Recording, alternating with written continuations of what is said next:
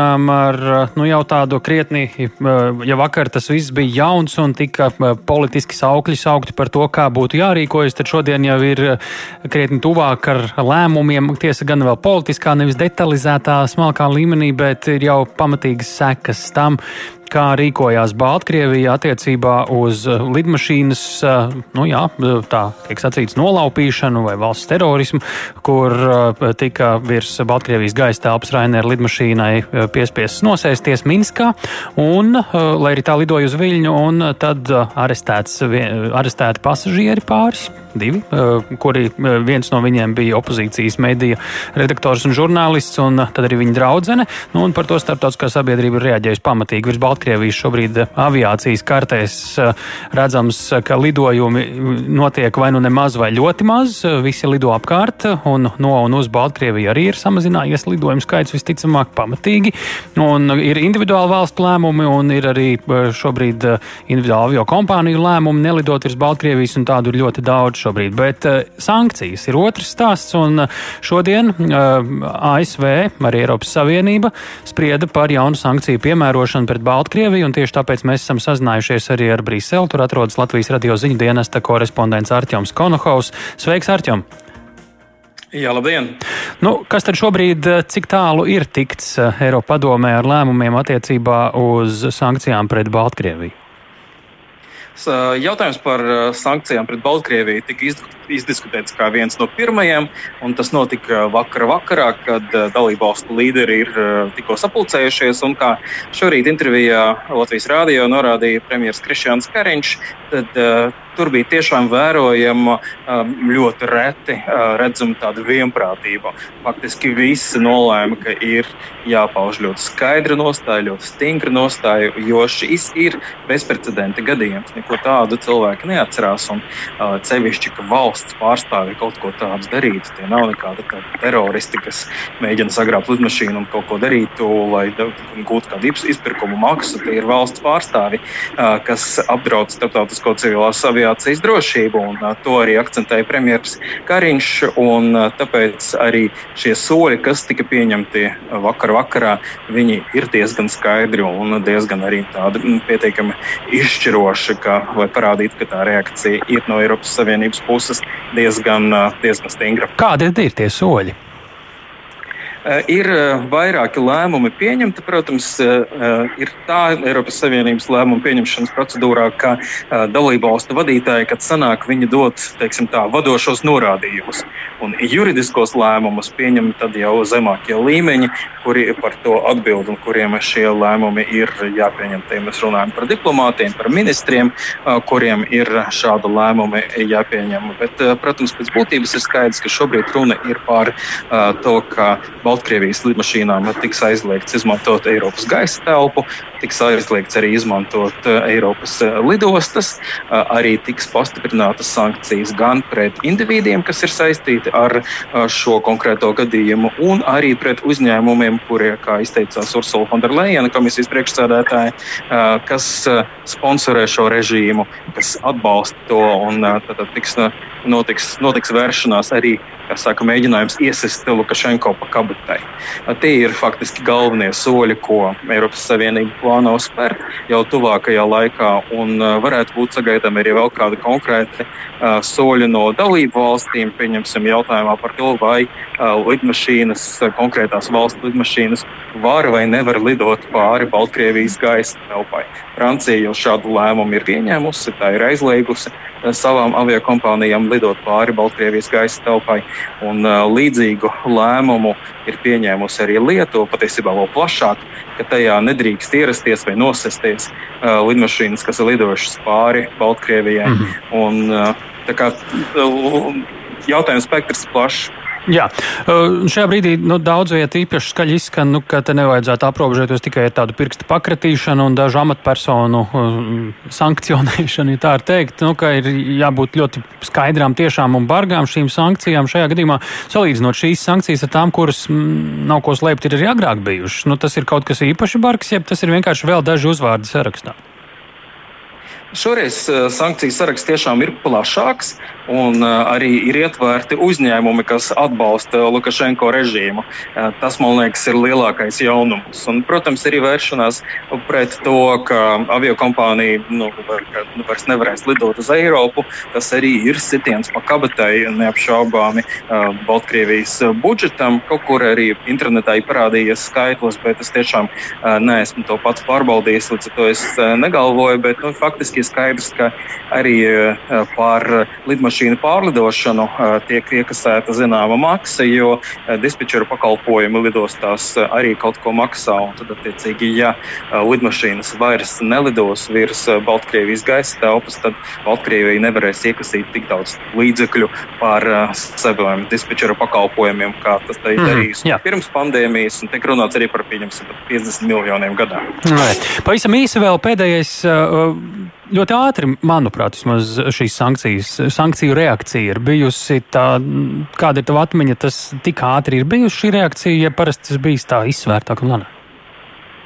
Parasti tas ir bijis lēnāks, šis ir nepieredzēti ātrs lēmums, un uh, te ir nepieredzēta tiešām liela vienprātība. Un, protams, nu, tā bija tāda sagadīšanās, ka Eiropas Savienības samits uh, tika sasaukts jau iepriekš, uh, tieši dienu pēc šiem notikumiem. Tāpēc arī ir bijusi iespēja līderiem sanākt un to apspriest. Paldies par sarunu Arķems Konohovs, Latvijas radio ziņu dienesta korespondents Briselē par svarīgu informāciju attiecībā uz sankcijām pret Baltkrieviju. Mums pie otras klausulas Andris Sprūts, Rīgas Stradiņa Universitātes profesors, Eiropas studiju fakultātes dekāns. Labdien! Sprodu kungs, vai jūs mūs dzirdat? Es jūs dzirdu. Ah, ļoti labi, mēs jūs arī tagad. Uh, Eiropas Savienība un arī ASV ļoti ātri šobrīd jau reaģē un lemj par sankcijām. Nu, kā jūs redzat, uh, šobrīd tas efekts, kāds tam varētu būt, ja vispār varētu būt, ja šobrīd jau režīms Baltkrievijā ir attālinājies no jebkādām sankcijām un dzīvot pats savu dzīvi? Nu, man šķiet, ka jūs ļoti precīzi savā jautājumā jau atbildējāt, ka sankcijām atbildēji bija jābūt. Uh, ja mēs redzam, nu, principā avio satiksmes gaisa pirātismu ar dzīvību apdraudējumu pasažieriem, nu šķiet, ka šeit jārēģē steidzami. Bet būsim ļoti skeptiski pār šo sankciju iespēju ietekmēt uh, Lukašenko, Lukašenko režīmu, viņa pamatinstinktu saglabāt ar jebkuriem līdzekļiem. Un, ja mēs skatāmies arī tīri vēsturiski, tad ir bijis šis sankciju periods, ir bijis mēģinājums veidot kaut kādu zināmu medus mēnesi, bet nekas šeit īstenībā nav iedarbojies. Kā es teicu, tas nav mainījis to pamatu instinktu, ka Lukašenko ir gatavs darīt pilnīgi visu, lai saglabātu savu varu. Nu, tas nozīmē, ka šajā situācijā priekš viņa vienīgā loģika ir parādīt spēku un apspiest opozīciju un eh, pamatā būtu uz eh, Krievijas eh, teiksim, atkarības adatas uzsēsties pilnībā. Tā kā šeit tā sankciju mm, efekts nu, būs ļoti, ļoti ierobežots. Protams, ka signāls ir svarīgs, tas sitīs pa kabatai, kā tika arī minēts, bet tas noteikti nemainīs tos pamatu uzstādījumus Lukašenko rīcībā vai uzvedībā. Diemžēl. Mm -hmm. Bet nereaģēt arī. Tad nevarēja tā, es to tulkoju. Kādas, ko, ko, ko tad var darīt, lai kaut kas tiešām mainītos? Vai ir kaut kādi līdzekļi vēl ārēji atlikuši starptautiskajai sabiedrībai un, te jāsaka, arī Baltkrievijas opozīcijai? Nu, ļoti ierobežoti, jo, ja ir režīms ar šādu cilvēku, kāds tas ir, uh, ja šo režīmu atbalsta liela valsts ar pietiekoši lieliem resursiem, lai to arī izdarītu, tad, protams, ka ārējā sabiedrība, ārējā starptautiskā sabiedrība, šajā gadījumā Eiropas Savienībā, ASV, nu, nevar kļūt nu, teiksim, tāda, kas var mainīt šo režīmu tiešā veidā. Te ir divi, divi, teiksim, tā, divi līmeņi. Viens, protams, ka jāatcerās, ka vispirms šo režīmu var mainīt Baltkrievijas sabiedrība, un, protams, ka mēs nevaram kļūt vai būt baltkrieviskāk nekā paši Baltkrievi. Un te ir tas jautājums par sabiedrības nostājumu, par to ilgspēju, noturības spēju arī turēties vai ne pretī režīmam, Lukašenko parādīto savu attieksmi, un otrs, kas savukārt ir no Eiropas Savienības puses, nu, tad noteikti ir, protams, šie signāli jāveic, jādod, nevar neatbildēt un jāsit pa kabatu, bet noteikti galvenais instruments un tiešām cik vien var ir atbalstīt eh, Baltkrievijas sabiedrību, bet te arī ir tās dilemmas tajā ziņā, ka no vienas puses mēs esam gatavi tai sabiedrības daļai, kas eh, atrod sev iespēju nonākt cietumos, dot patvērumu iespējas Eiropā, bet tas savukārt nozīmē to, ka tie cilvēki, kas potenciāli ir opozīcijai, viņi no Baltkrievijas ir aizbraucis. Un ir zināmā veidā tā arī stagnācija, kurā arī Lukašenko spējīgs pārdot kaut kādas konstitūcijas izmaiņas, arī izmantot to finanšu un militāro spēku resursu, ko piedāvā Krievija. Līdz ar to nu, tomēr pie tās varas uh, turēties vismaz kādu laiku. Un atkal, principā, viens ir sabiedrība, un otrs, protams, ir aspekts tas, ka uh, bez arī kaut kāda veidā politiskās elites fragmentēšanās Baltkrievijā šīs izmaiņas panākt būs grūtāk. Varbūt otrs instruments ir, ka gribot, negribot aiz vai aiz slēgtām durvīm, ir vienlaikus gan jāuzrunā arī citi politiskie spēlētāji gan arī vienlaikus jāsit par šiem potenciāliem spēlētājiem, kas savukārt var tiešām zaudēt nevis ar valsts maku, bet var zaudēt ar savu personisko maku. Es domāju, ka šīs sankcijas, kas vēršās pret arī konkrētām uh, nu, uzņēmumu vienībām, uzņēmējiem un uzņē, uzņēmumiem, es domāju, ka tur ir savs, tomēr savs pamats, protams, ir, jo tas var rosināt zināmu neapmierinātību tajā politiskā elitē, kas nu, ir ap uh, Lukašenko, bet arī vienlaikus tomēr nepārvērtēsim. Uh, to, ka tam būs tāda automātiska teiksim, tāda ietekme. Nu jā, šobrīd arī situācija vairs nav ar to pēcvēlēšanu eiforiju, kas bija Baltkrievijā rudenī. Cilvēki, tie, tie protesti faktiski ar katru mēnesi kļūst ar vien nu, tādi fragmentētāki un klusāki, lai arī ik pa laikam šur tur šīs tas uzplaiksnī. Var teikt, ka Lukašenko šobrīd ir nu, kaut kādā ziņā iekšpolitiski jau varbūt uzvarējis, jeb nekas vēl nav beidzies šajā. Atkal jums, jūs jautājumā ļoti daudz jau atbildes. Tieši tā, es domāju, ka mēs redzam, diemžēl, ka ir arī šī jauda, un tas ir pilnīgi dabiski, ka gadu griezumā nu cik ilgi var, ja tam īsti nav rezultātu. Un tomēr arī šeit jārunā ar Baltkrievijas sabiedrību. Viņi nav arī, protams, ka uh, viens šķautņājumi, viņi daudz šķautņājumi, kurā ir ļoti daudz arī klusējoši atbalstītāji, gan vienai, gan otrai pusē, bet īpaši nekur gatavi nav iesaistīties. Un, uh, es negribētu pārvērtēt šajā visā situācijā arī pašu Lukašenko spēku, ka viņš nu ir uzvarējis. Kopumā es gribētu teikt, ka viņš ir norakstīts. Jo tas, protams, apliecina arī viņa vājums, ka tikai šādā veidā viņš to savu varu var saglabāt.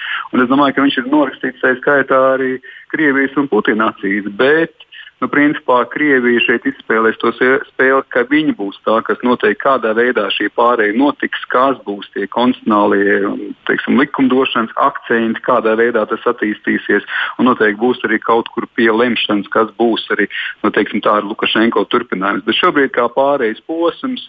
Krievijai Lukašenko ir izdevīgs, jo Lukašenko nodrošina attālināšanos vai attālināšanās turpinājumu no Eiropas Savienības, kurā bija tā cerība vēl 20. gadā, vēl pirms nepilnu gadu, kad arī bija plānots, ka Lukašenko ieradīsies šeit Rīgā, tiksies arī ar mūsu prezidentu, un ka tomēr mēs runāsim par ciešākām Eiropas Savienības un ar Baltkrievijas attiecībām. Nu, šis stāsts ir beidzies, un te Krievijai, protams, tas ir bijis arī izdevīgi. Jā, un Eiropa tādā tā kā dilemmas priekšā. Ja piegriež skrūvis režīmam, tad uh, tas tuvinās Krievijai, ja nepiegriež, tad režīms pats piegriež skrūvis. Absolūti, absolūti precīzi, tieši tā. Lielas paldies par sarunu Andris Sprūts, eh, Rīgas Stradiņu universitātes profesors programmā pēcpusdienu, Eiropas studiju fakultātes dekāns arī. Nu, un, eh, jā, tādi mums secinājumi attiecībā uz Baltkrieviju, uz situāciju tur eh, šobrīd pēc, nu jau jāsaka, visai nu, negaidīta un ļoti nepatīkama incidenta avio satiksmē, kur, jā, tik tiešām ar šīs valsts atbalstu tika, nu, faktiski praktiskās darbības skatoties, nolaupīta lidmašīna, no tās izlaupīta cilvēki reāli. Un, nu, jā, šobrīd mēs skatām, te cilvēki mūs raksta un vēro, kas notiek ar lidojumiem un Belavija, ka lidostu Rīga tādus uzrādot. Nu, tur jāskatās jau tad jārunā ar pašu lidostu, par to arī noteikti kolēģi žurnālisti taujās arī pēc tam un vērtēs precīzāk.